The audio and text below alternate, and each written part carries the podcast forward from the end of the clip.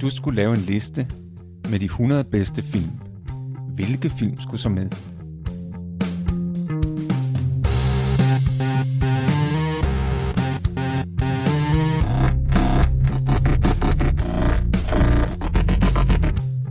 Hej, jeg hedder Morten. Og jeg hedder Thomas.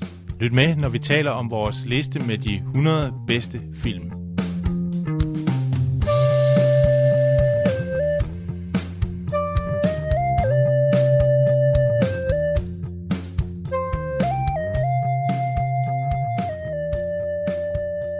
Hej og velkommen til vores podcast 100 bedste film. Jeg hedder Thomas, Og jeg hedder Morten. og vi er nået til film nummer 63 på vores fælles liste over de 100 bedste film. Og det er filmen En verden udenfor, eller The Shawshank Redemption, som den hedder på engelsk. Den er fra 1994. Den er instrueret af Frank Darabont, og hovedrollerne spilles af Tim Robbins og Morgan Freeman. Som sædvanligt skal vi advare mod spoilere. Vi afslører hele filmens handling og filmens slutning. Så hvis man ikke vil udsættes for spoilere, så skal man se filmen, før man hører den her podcast. I 1947 så ankommer vores hovedperson Andy Dufresne til det her fængsel, øh, Shawshank. Han er uskyldigt dømt for mord på sin kone og hendes elsker. Det øh, i sig selv er jo meget tragisk øh, for ham, og han er jo meget nedtrykt, da han kommer ind. Og det er jo sådan, at den her fortælling foregår i fængslet i mange år, øh, i 20 år, hvor Andy sidder indespærret her, uden nogen udsigt til at komme ud. Han har fået en livstidsdom. Det er altid sådan, når der kommer nye til det her fængsel, så øh, væder de andre fanger om, hvor lang tid de kan holde. Den første nat er den værste, og der er altid en, der knækker. Og ham, der fortæller historien Red, spillet af Morgan Freeman, han sætter alle sine cigaretter på Andy. Han mener, det er ham, der knækker. Men det er det ikke. Andy, han holder stand, og øh, er faktisk en lidt anderledes fange. Han har en baggrund som bankmand. Han er jo ikke, kommer jo ikke fra et kriminelt miljø, men kommer fra et helt andet miljø, og er landet i, i fængslet ved en ja, skæbens uheld, eller hvad man vil sige. Han begynder at interessere sig for, for, for sten, stenarter, og efterspørger hos Red, fordi Red er den type i fængslet, der kan, der kan skaffe alt. Så han vil gerne have sig sådan en lille rockhammer, stenhammer. Og det synes Red er noget mærkeligt noget. Men det er sådan en lille hammer, som, som Andy så bruger til at hugge sten og, og, og gå og kigge på det her rald, der ligger i, i, i gården. Og så følger vi ellers Andy ud fra, fra Reds beskrivelse af ham. I starten bliver Andy udsat for, for nogle overgreb, nogle voldtægter. Vi ser aldrig sådan, det bliver aldrig eksplicit, men der er sådan en gruppe, der hedder Søstrene, som er efter ham. Og han forsvarer sig så godt han kan. Øhm, det er ikke altid, de får fat i ham. Nogle gange får de fat i ham. Så sker der det, at øhm, fængselsdirektøren vil gerne have, have lavet taget, øh, og nogle af fangerne kommer op og arbejder på det her tag. Og mens det sker, så fortæller den her vagt, Hayden, han fortæller, at han har arvet nogle penge, men han skal aflevere alle de her penge, eller næsten alle de her penge, til skattevæsenet. Det irriterer ham rigtig meget. Og så blander Andy sig for første gang. Og det er virkelig, altså, det gør man bare ikke. Så han er faktisk på vej til at blive smidt ud af over taget. Men han når lige at fortælle, at hvis du, hvis du, hvis du, for, hvis du forærer alle dine penge til din kone, så kan skattevæsenet ikke, så kan ikke røre dig. Og det er faktisk en god fidus. Og så går det ligesom op for de her vagter og for inspektøren, at Andy er super god til det med økonomi og pengesager og skattevæsen. Så han begynder at se alle de her vagter selvangivelser igennem. Han begynder at investere for øh, fængselschefen osv. Og det giver ham selvfølgelig nogle goder i fængslet. Han bliver, han bliver fri fra de her chikan, chikan, øh, chikaner, og han får et, et job i biblioteket og begynder at lave en hel masse gode ting for, øh, for de indsatte. Sender breve og bestiller nogle bøger og ansøger om bøger, og øh, det, går, det går sådan rigtig godt for Andy, som det nu kan gå i fængslet. På et tidspunkt kommer der så en ung fyr ind, og han fortæller så, at han har siddet sammen med en anden fange, som viser sig, at han har pralet med, at det var ham, der slog Andys kone og elskeren ihjel. Og så øjner Andy jo en, en chance for at kunne, kunne få ændret sin dom. Fordi her har vi jo et vidne, der ligesom kan forklare, at det ikke var Andy. Problemet er bare, at fængselsinspektøren er faktisk slet ikke interesseret i, at Andy skal ud af fængsel, fordi han tjener rigtig mange penge på Andy. Så øh, han opsøger den her fange og, og skyder ham, slår ham ihjel, og sætter Andy i det her hul, som de kalder det, isolationscelle. Og så knækker det jo alt håbet hos, hos Andy. Og på et tidspunkt så øh, får Morgan Freeman så at vide, at Andy har spurgt efter et ræb. Og øh, der er sådan nogle tegn på, at måske vil Andy hænge sig selv, for de har haft en anden fange, der kom ud af fængslet, en der hed Brooks, en gammel mand, som er kommet ud af fængslet og siddet fængsel i hele sit liv faktisk, og kom ud af fængsel og kunne slet ikke klare sig uden for fængslet. Og han har simpelthen hængt sig i, i den her lejlighed, som, som de her fanger så kommer ud og, og bor i. Og næste morgen, så kommer Andy ikke ud af sin celle, som man skal. Men da de går ind og kigger i cellen, så er han bare væk. Og det, det er simpelthen et mysterie.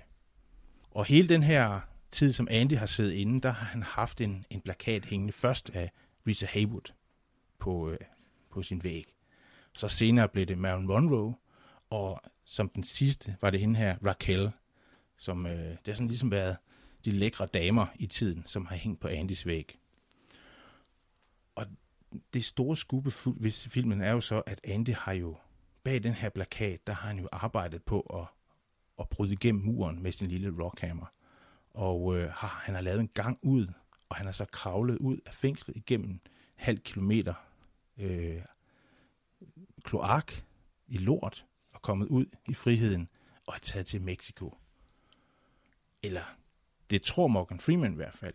Og det, der er ikke nogen, der ved, hvor Andy er. Og samtidig med det, så har han afsløret alle de her korrupte ting, der er foregået i fængslet. Mor, overgreb, øh, økonomisk svindel. Sådan at øh, Hayden, den barske øh, fangevogter, han bryder sammen og bliver taget ført ud i håndjern, og øh, inspektøren skyder sig selv, fordi øh, han er blevet afsløret. Og da Morgan Freeman så endelig kommer ud, vi, vi, vi ser på et tidspunkt, han, han, er, han er sådan en gang imellem, jeg tror det er hver 10 år, så kommer han ind til sådan en, en vurdering. Og han er altid blevet øh, øh, fået afslag. Men til sidst får han så lov til at, at komme ud, og øh, han arbejder lidt i et supermarked, og det fungerer slet ikke, når man har siddet i fængsel så lang tid, så kan man ikke, øh, man kan ikke håndtere verden udenfor.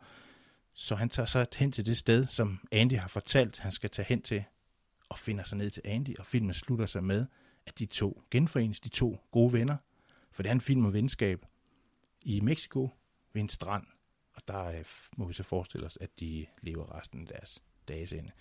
Så selvom det er en fængselsfilm, så er det en meget feel good film med en, øh, en meget god slutning. Som sagt, det her er jo en fængselsfilm, og jeg tror nok, det er den første fængselsfilm på vores liste.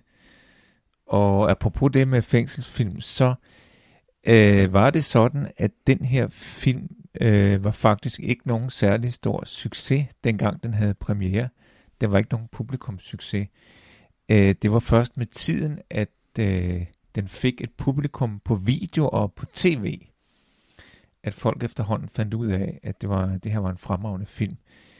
Øh, og de gjorde sig jo, øh, producenterne gjorde sig jo nogle tanker om, hvorfor den floppede til at begynde med. Og der var en af grundene, mente man måske kunne være, at øh, genren fængselsfilm faktisk ikke er særlig. Det er ikke en særlig populær genre.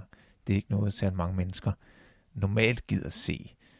Der var også et andre, par andre teorier, for eksempel, at den havde en meget speciel og, og lidt besværlig titel, nemlig Rita Hayworth and the Shawshank Redemption. Det er ikke sådan særlig mundret, og det er heller ikke noget, der fortæller særlig meget om, hvad det egentlig er for en film. Det her med filmens tema, øh, der er der jo den, der er jo mange temaer. Et af dem, som jeg nævnte, det var det her venskab mellem Red og Andy, som, øh, som er meget stærkt. Jeg vil sige, at, at at temaet i, i den her film øh, både er, øh, er venskab, men det er også, øh, det er også fængslet som, som institution, synes jeg. Det, det er jo, øh, der er jo lavet mange, mange fængselsfilm, og, og fængsel er jo, hvis man sådan tænker over det, en, en underlig institution, eller en, en, en mærkelig øh, sådan ting i samfundet. Det er jo sådan, det har, der har jo ikke altid været fængsler på den måde, som vi har fængsler i dag. Øh, omvendt så er fængselsideen lige så gammel som, som statsdannelsen. Altså lige snart man har en, en nation eller et, et ret stort fællesskab, øh, og nogen forbryder sig mod det fællesskab, fordi der er nogle love der, jamen så har man så puttet dem i fængsel.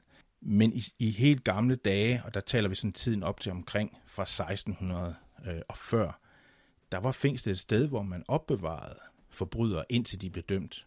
Man, var, man havde meget mere tendens til at, at straffe folk hårdt, hugge hænderne af dem, øh, piske dem, øh, pine dem, halshugge dem, øh, putte dem på øh, hjul og stejle og øh, drukne dem, og hvad man ellers kunne finde på. Man straffede rigtig meget kroppen, men, øh, men man puttede ikke folk i fængsel, altså som, som, en, som en straf, og slet ikke som en, som en forbedring, som man gør senere hen.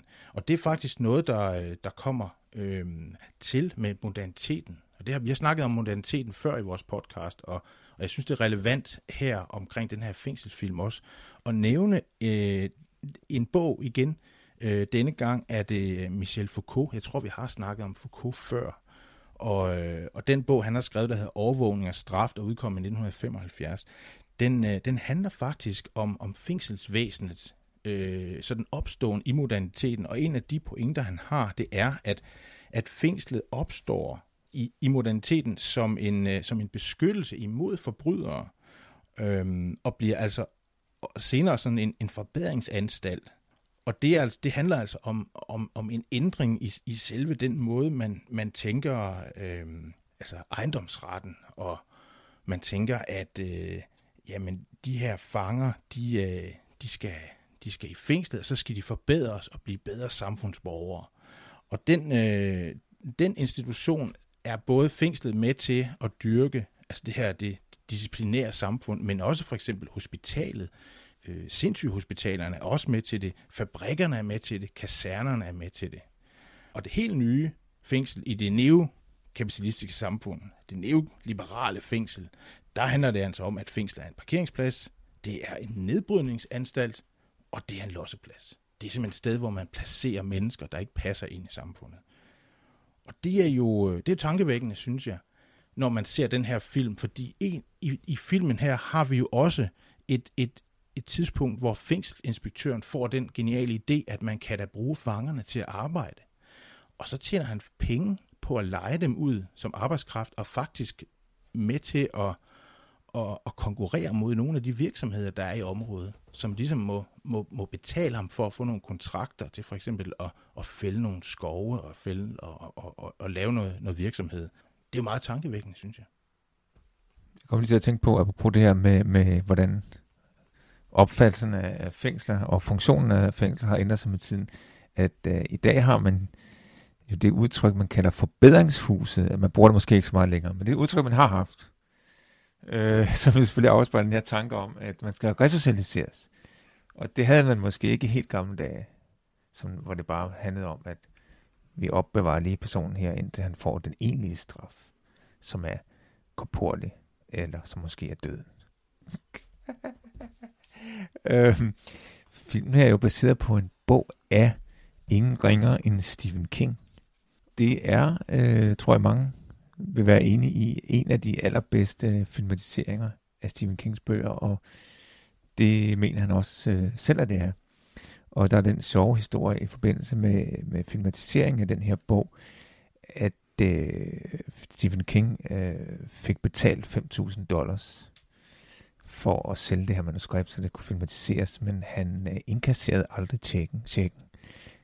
Han, han gav den tilbage til Frank Darabont, Frank Darabont var ja. hans gode ven, og han, øh, altså Stephen King han var jo sådan, at han ofte gjorde det, at han solgte nogle af sine novelle, øh, noveller til øh, unge, upcoming øh, instruktører for øh, det, han kalder a one dollar deal. Og det gjorde han også med Darabont, og Darabont lavede en, en Stephen King-film øh, før den her til a one dollar deal, men den her lavede han så, øh, hvor han fik 5.000 kroner for den, og Stephen King var meget skeptisk af, hvordan, hvordan vil du lave en film ud af den her novelle? Men Darabont sagde, det er da ret indlysende. Og, og så var det så, at, at, at Stephen King gemte den her check og hængte den op hos sig selv, og på et tidspunkt gav han den tilbage til Darabont og sagde at øh, og, og, og skrev at hvis du nogen if you ever need money for bail Ja, selvfølgelig. Det var Altså, kaution, at han kan kaution. kaution for, hvis han kommer i fængsel, ikke? så kunne han bruge penge til at komme ud. Det er meget, meget øh, fint. Det siger også noget om den varme og, og, og, og, og ægte, sådan oprigtige kærlighed til kunsten, som Stephen King står for. Han er ikke øh, en, der skovler penge sammen øh, og, og, og har stor respekt for, for dem, der, der, øh, ja, der vil lave lidt af litteratur og kunst og film, altså hvis det er gjort i den, i den gode ånd. Frank Darabont er jo, øh, jeg ved ikke, han har også lavet andre film, men han er jo ikke sådan en, en kendt instruktør. Han, han har jo så bare ligesom ramt ned og lavet den film, som jo er den mest populære film nogensinde.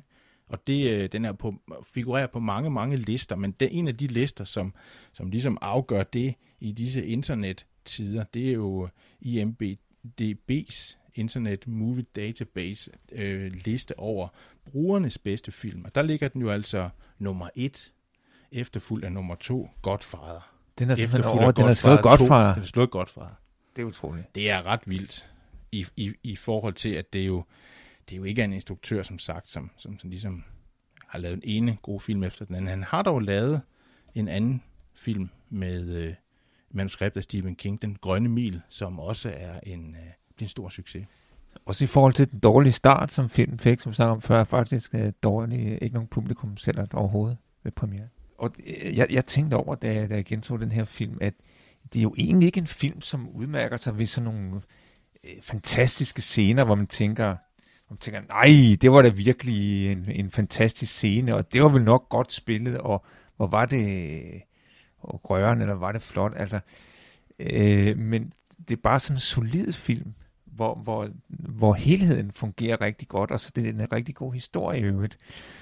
Men altså, hvis, hvis jeg skal nævne en scene fra filmen, så, så som er en af mine favoritscener, så er det, så er det jo det, den her øh, prøveløsladelse samtale, som de har hver 10 år. Og fordi de er vant til det, det bliver altid afslag. Og øh, der ser vi jo også øh, Morgan Freeman i rollen som øh, Red. Det, altså de første gange, hvor han kommer til den her prøveløsladelse samtale, så forsøger han jo at overbevise dem om, at han er, han er, skam, han er, han er skam klar til at blive løsladt. Så siger han, yes, yes, yes, I, I learned my lesson, and I'm no threat, threat to the society anymore. That's God's honest truth. Og så virkelig ydmyger sig virkelig og forsøger at overbevise dem, om ikke de nok vil løslade ham. Og så, så ser man det der stempel. Rejected eller afvist. Bang, ikke? Men så til sidst der, hvor øh, Andy Dufresne, han er undsluppet. Øh, og så ser vi jo, at, øh, at Rat, han igen kommer til den der prøveløs samtale. Og dengang, der, der, der ved han jo godt, der forventer han jo ikke andet, end at det, det bliver en afvisning igen. Og der, er- der er han så fuldstændig modsat. Der siger han bare, at det, det, der øh, resocialisering, ved du egentlig selv, hvad det betyder. Og øh, det er jo bare sådan et ord, som nogen har fundet på, for at du kunne have et arbejde. og sådan... Øh, og selvfølgelig fortrød jeg da, hvad jeg gjorde, og tænker meget over, det. jeg ville ønske at gøre det om, men i øvrigt så er jeg skidelig glad, og så bare stemme lidt papir og holde op med at spille min tid. Og så ser man stempel. Approved. Så får han lov at komme ud. det, det, jeg tror, det var det, man kalder omvendt psykologi. Hvis du beder om at komme ud, så kommer du ikke ud. Det er først, når du siger, at jeg er skidelig glad. Nå, så bliver du, slå, så bliver du slået ud. Det, det synes jeg er en fantastisk scene. En scene, jeg godt kan lide, det er en af de, en, en tidlig scene, hvor jeg tror, det er efter den her første nat i fængslet, så skal de ind og spise, og så sætter Andy sig jo så med det her mad, og det ser bare virkelig klamt ud, det her fængselsmad. Og så, så piller han sådan lidt i det, og så tager han sådan en, en den bevæger sig lidt, det er sådan en mide, der ligger nede i maden.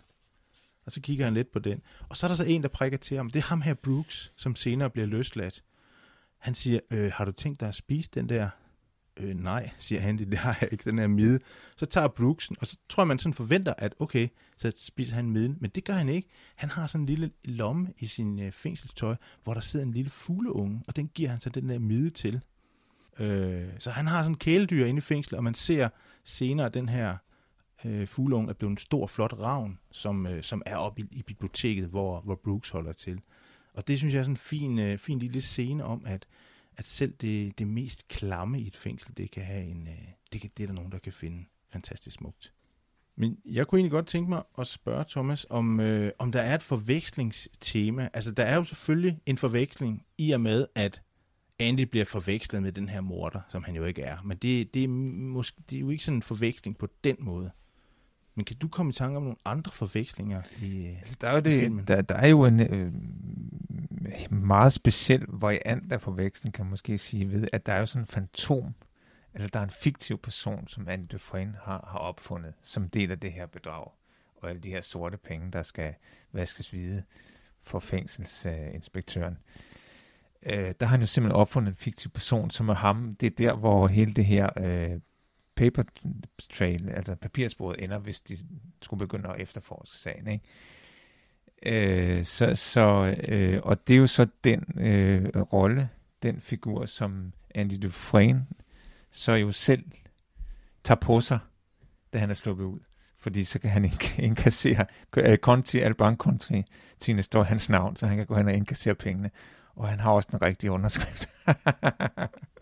så det, det, det er jo en form for forveksling, at vi har her en fiktiv person, der bliver forvekslet med, med en ægte person kan man godt sige. Jo. En meget speciel variant af forveksling, kan man ja. måske sige. Men meget yderst interessant. Men, ja, og, og ikke, ikke nogen, vi sådan er stødt på ellers i, øh, i vores podcast. Nej, det, det, det er en første, det er første gang. Det er en ny forvekslingsvariant. Forveksling, ja. ja. Jeg kommer også, nu vi taler om øh, scener fra filmen, så øh, synes jeg, at slutscenen er rigtig god. At meget, meget, øh, det er jo ligesom, at filmen, filmen topper til allersidst, kan man sige. Altså normalt er der en spændingskurve, der, der når sit højdepunkt et eller andet sted i midten, eller måske. Men, men, men her, jeg synes, jeg synes den topper, øh, filmen topper til sidst. Altså den slutter altså som et, et højdepunkt med, at de, de to møder hinanden og, og er fri.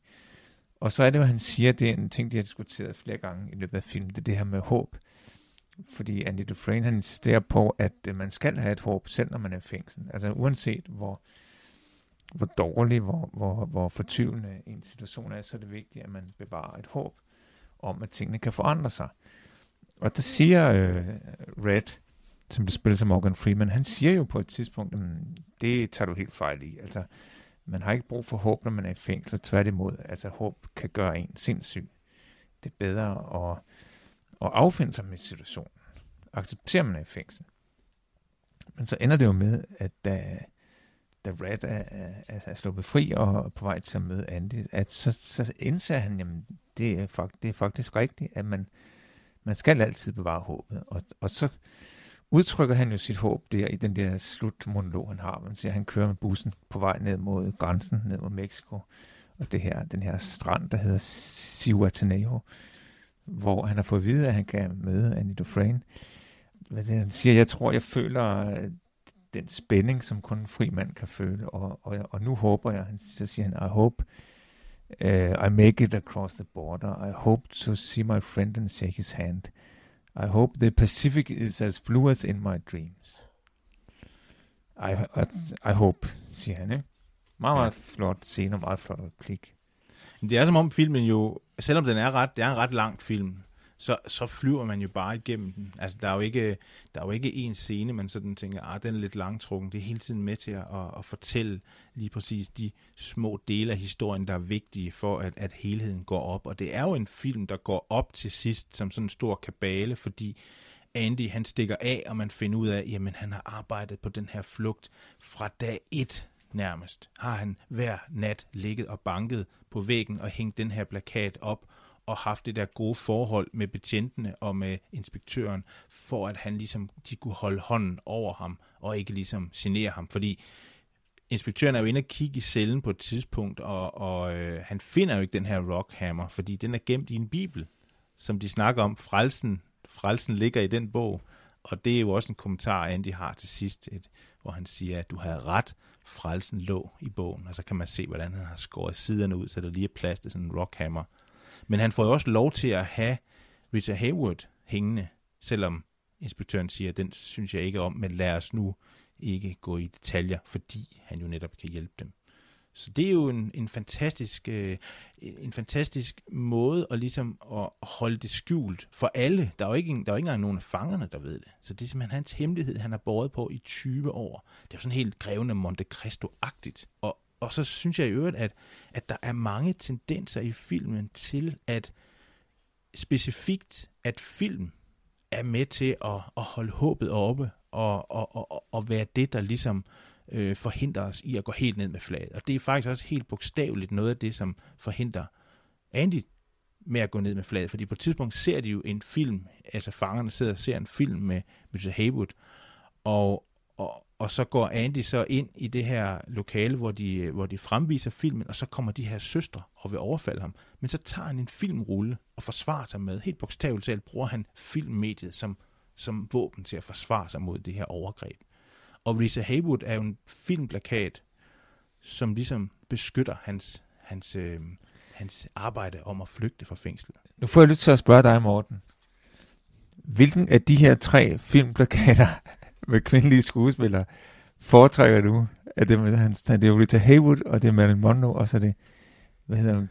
Raquel. Raquel Wells, eller sådan noget. Ja. Har du en favorit blandt de tre? Øhm, jeg vil sige, jeg kender jo mest Marilyn Monroe. Øh, den plakat ser man ikke så meget. Det er ligesom Rita Haywood, der ligesom starter det. Og øh, hende kender jeg heller ikke så meget. Hun, hun må have været virkelig stor på det her tidspunkt. Øh, Øhm, jeg læste lidt om, om Raquel. Hende kendte jeg faktisk heller ikke, men der er vi jo oppe i 60'erne. Og hun er jo øhm, med den, den plakat, som hun er afbildet i, der står hun jo i sådan en, noget man kalder øh, verdens første bikini, i sådan en bjørneskin. Står sådan... Øh, i, i sådan bjørneskins bikini, og det er jo fra den film, der hedder One Million Years Before Christ, øh, hvad hedder det, BC, fra 1966. Jeg ved ikke, om filmen blev så stor, men jeg tror faktisk, at hun blev meget kendt på det, og at den her, det her billede også gjorde det. Er der ikke sådan en lille smule B-film over den? Jo, absolut. Absolut. Det, det, det er helt sikkert, og det er den også periode. Over, også over plakaten der med, hvor hun står det der bjørnen og leopardskæn. Ja, ja, ja. Jeg vil nok sige, at jeg er nok mest til uh, Rita Haywood. Det er jo fra den, hun er jo, den film, de ser i, uh, i biografen, altså i filmen, er fra den film, der hedder Gilda fra 1946. Og det er jo en periode, som vi godt kan lide, Thomas. Ja, det kan vi, og, og, og, og jeg, tror, jeg tror, jeg vil give dig ret i, at jeg, jeg foretrækker også Rita Haywood. Der, faktisk kender jeg hende ikke særlig godt. Jeg, kan ikke, jeg, jeg tror ikke, jeg kender nogen film med hende, men bare for de klip, man ser der, synes jeg, hun virker meget utrolig charmerende. Så hun vil nok også være min øh, favorit blandt de tre. Ja. Ved du, hvad jeg troede, du ville spørge mig om? Nej, hvad? When do we eat? det skal, skal jeg nok holde mig fra. Det, det ser vi jo på et tidspunkt der i starten af filmen. At der er en, der ikke helt har forstået, at her der handler det altså bare om at adlyde. han tror, han ligesom kan, kan stille krav til forplejningen. han tror, han kan stille krav til forplejningen. Ligesom om det var et hotel, der man kom på. Okay, men han får, så får han lige et par slag og får at vide, hvad det, hvad det handler om her. When do we eat? Jeg kom, jo, jeg, en anden ting, jeg kom til at tænke på, det var i forbindelse med det der med Bibelen, du nævnte, ikke? hvor han har gemt rockhammeren. Ikke? Den her fængselsinspektør, han er jo sådan en rigtig kristen hyggelig af værste skuffe, ikke? Hvor, hvor han, han vil gerne have, at de skal læse Bibelen, og han citerer selv fra Bibelen, ikke? Og, sam, og samtidig så er han sådan totalt korrupt og, og, og voldelig. Ikke? Øh, virkelig en skurk. Øh, og faktisk, så læste jeg en artikel øh, om filmen, at der er mange, der ser et kristen, eller nogen, der ser et kristen budskab i den her film, og, og tolker mange af scenerne sådan i en kristen retning. Altså, altså de ser øh, Andy Dufresne som, som en slags messiasfigur. Og, og den der scene, hvor de tærer taget og, og øh, bliver belønnet med øl, som Andy har sørget for, ikke? Det er den sidste nadver. Jamen, det er jo, der er jo også meget bibelsk i den, i og med, at de jo har den her inspektør, der er meget bibelkyndig. Men, men det er jo en fin scene der, hvor han kommer ned, og hvor han citerer. Han spørger, har du et yndlingscitat? Og så kommer Andy med et yndlingscitat, og det mener inspektøren ved, hvad for et skriftsted det er fra. Og så siger inspektøren, jeg har et andet yndlingscitat. Så siger han det, og så siger Andy, om det er fra det skriftsted. Det er så ret, øh, ret overlegn begge to i øh, bibelkyndighed. Og, og øh, fængselsinspektøren, han, han symboliserer jo selvfølgelig djævlen. Ja, det er klart. Jeg har også hørt, at der er nogen, der siger, at han skulle være et billede på Richard Nixon. Ja, også det. Altså den måde, han... Og så kan man jo godt sige, at Andy Dufresne, han er uskyldigt dømt, ligesom Kristus. Ja, og ligesom alle andre i fængslet. Ja, ligesom de, ja, som hævder det. Ja, ja, præcis. Altså, jeg synes måske, jeg synes måske, de her kristne øh, tolkninger er sådan, måske en lille smule søgte. Altså, jeg mener ikke at læse, han læst nogen steder i Bibelen, at Jesus slæbte sig igennem den halv kilometer lort. Men det kan selvfølgelig være, at det er en passage, der er taget ud. Det på være en apokryf. Det er jo et rigtig godt citat også. Ja. He crawled through a river of shit and came out clean. Altså Andy Dufresne, ja, ikke? det er stærkt. Det er meget stærkt. Så, men, men, men jeg synes, ej, jeg, jeg synes måske, det er lidt søgt, og så jeg tænker også, at det, altså, måske, måske hænger det sammen med, at hvis man er kristen og godt kan lide den her film, så er det jo udenbart ikke et særligt positivt billede, der tegnes af kristendommen, fordi øh, den person, der ligesom repræsenterer kristendommen i filmen, det er fængselsinspektøren, som er, som er ond, som er skurken, ikke? og som jo er sådan en, en hyggelig, kan man sige, der, der jo bare til synligheden har nogle kristne dyder, men som i virkeligheden er, er ren, ren skurk. Ikke? Så, så derfor er det måske fristende at, at tolke film en positiv form for kristendom ind i film. Ikke? Øh, også fordi, at det er jo, der er jo sådan noget, en form for øh, åndeligt, spirituelt budskab i filmen. Og, og, og hvis man så selv foretrækker kristendom, så er det måske fristende at tolke det i en kristen retning. Jeg, jeg synes måske ikke, altså det, det, det faldt ikke mig ind, da jeg så film, at det skulle være et kristen budskab. Altså nu, nu synes jeg jo også sagtens, at en film kan have nogle gode budskaber, uden at være kristen. Frank Darabont øh, kommenterede jo også på det med kristendom og sagde, at det var heller ikke hans intention, men han var jo meget åben for, hvordan folk kunne fortolke den her film. Det var sådan meget diplomatisk sagt, synes jeg. Ja. Øh, nu snakkede du om, at vi jo ikke havde haft nogen fængselsfilm på vores liste indtil nu, men vi har dog haft en film, der på nogen måder minder lidt om den her situation. Og den film, jeg tænker på, det er Millers Formans Gøgereden fra 1975, hvor Jack Nicholson jo også kommer fra et fængsel og ind på en sindssyg anstalt, fordi han tror, det er bedre. Det viser sig så, at det er det ikke. Men vi har stadigvæk den diskussion og den kritik af samfundets institutioner, fængslet, sindssyge, hospitalet, og hvem er gal, hvem er normal, hvad, hvem bestemmer, hvem der er hvad. Og, og det synes jeg også, vi ser lidt af i den her film, det der med det der board, den her øh, række af eksperter, der skal beslutte, om Red han er klar til at komme ud i virkeligheden, eller han ikke er. Ja, og så er der jo, man kan sige, bagsiden af det her fængselstema, det, det er jo et tema, der handler om frihed, og det er måske en af, en af grundene til, at filmen har så, så bred en appel, så stor en appel, at, at uh, selvom man ikke ser fængsel, så kan man jo godt føle sig ufri, altså i, i sit job eller i sit parforhold. Uh, der kan være en række forhold, som man føler sig begrænset af, og man kan gå, jeg tror, mange mennesker har en eller anden lyst til at, ligesom, at bryde ud og, og starte en helt ny tilværelse, og det kan man måske øh, noget man kan genkende i den her film. Der er også spørgsmål om mening, altså det her med, at, jamen, at, at dybest set, så frihed og ufrihed handler ikke om nogle ydre omstændigheder, man kan føle sig fri, selvom man sidder i fængsel. Man kan selv føle sig ufri uden for fængslet. Det fik mig til at tænke på den her øh, filosof, der hed Viktor Frankl, som skrev en, øh, en meget berømt bog, der hed, hvad var det, det hed? Det overhørte, det overhørte råb om mening.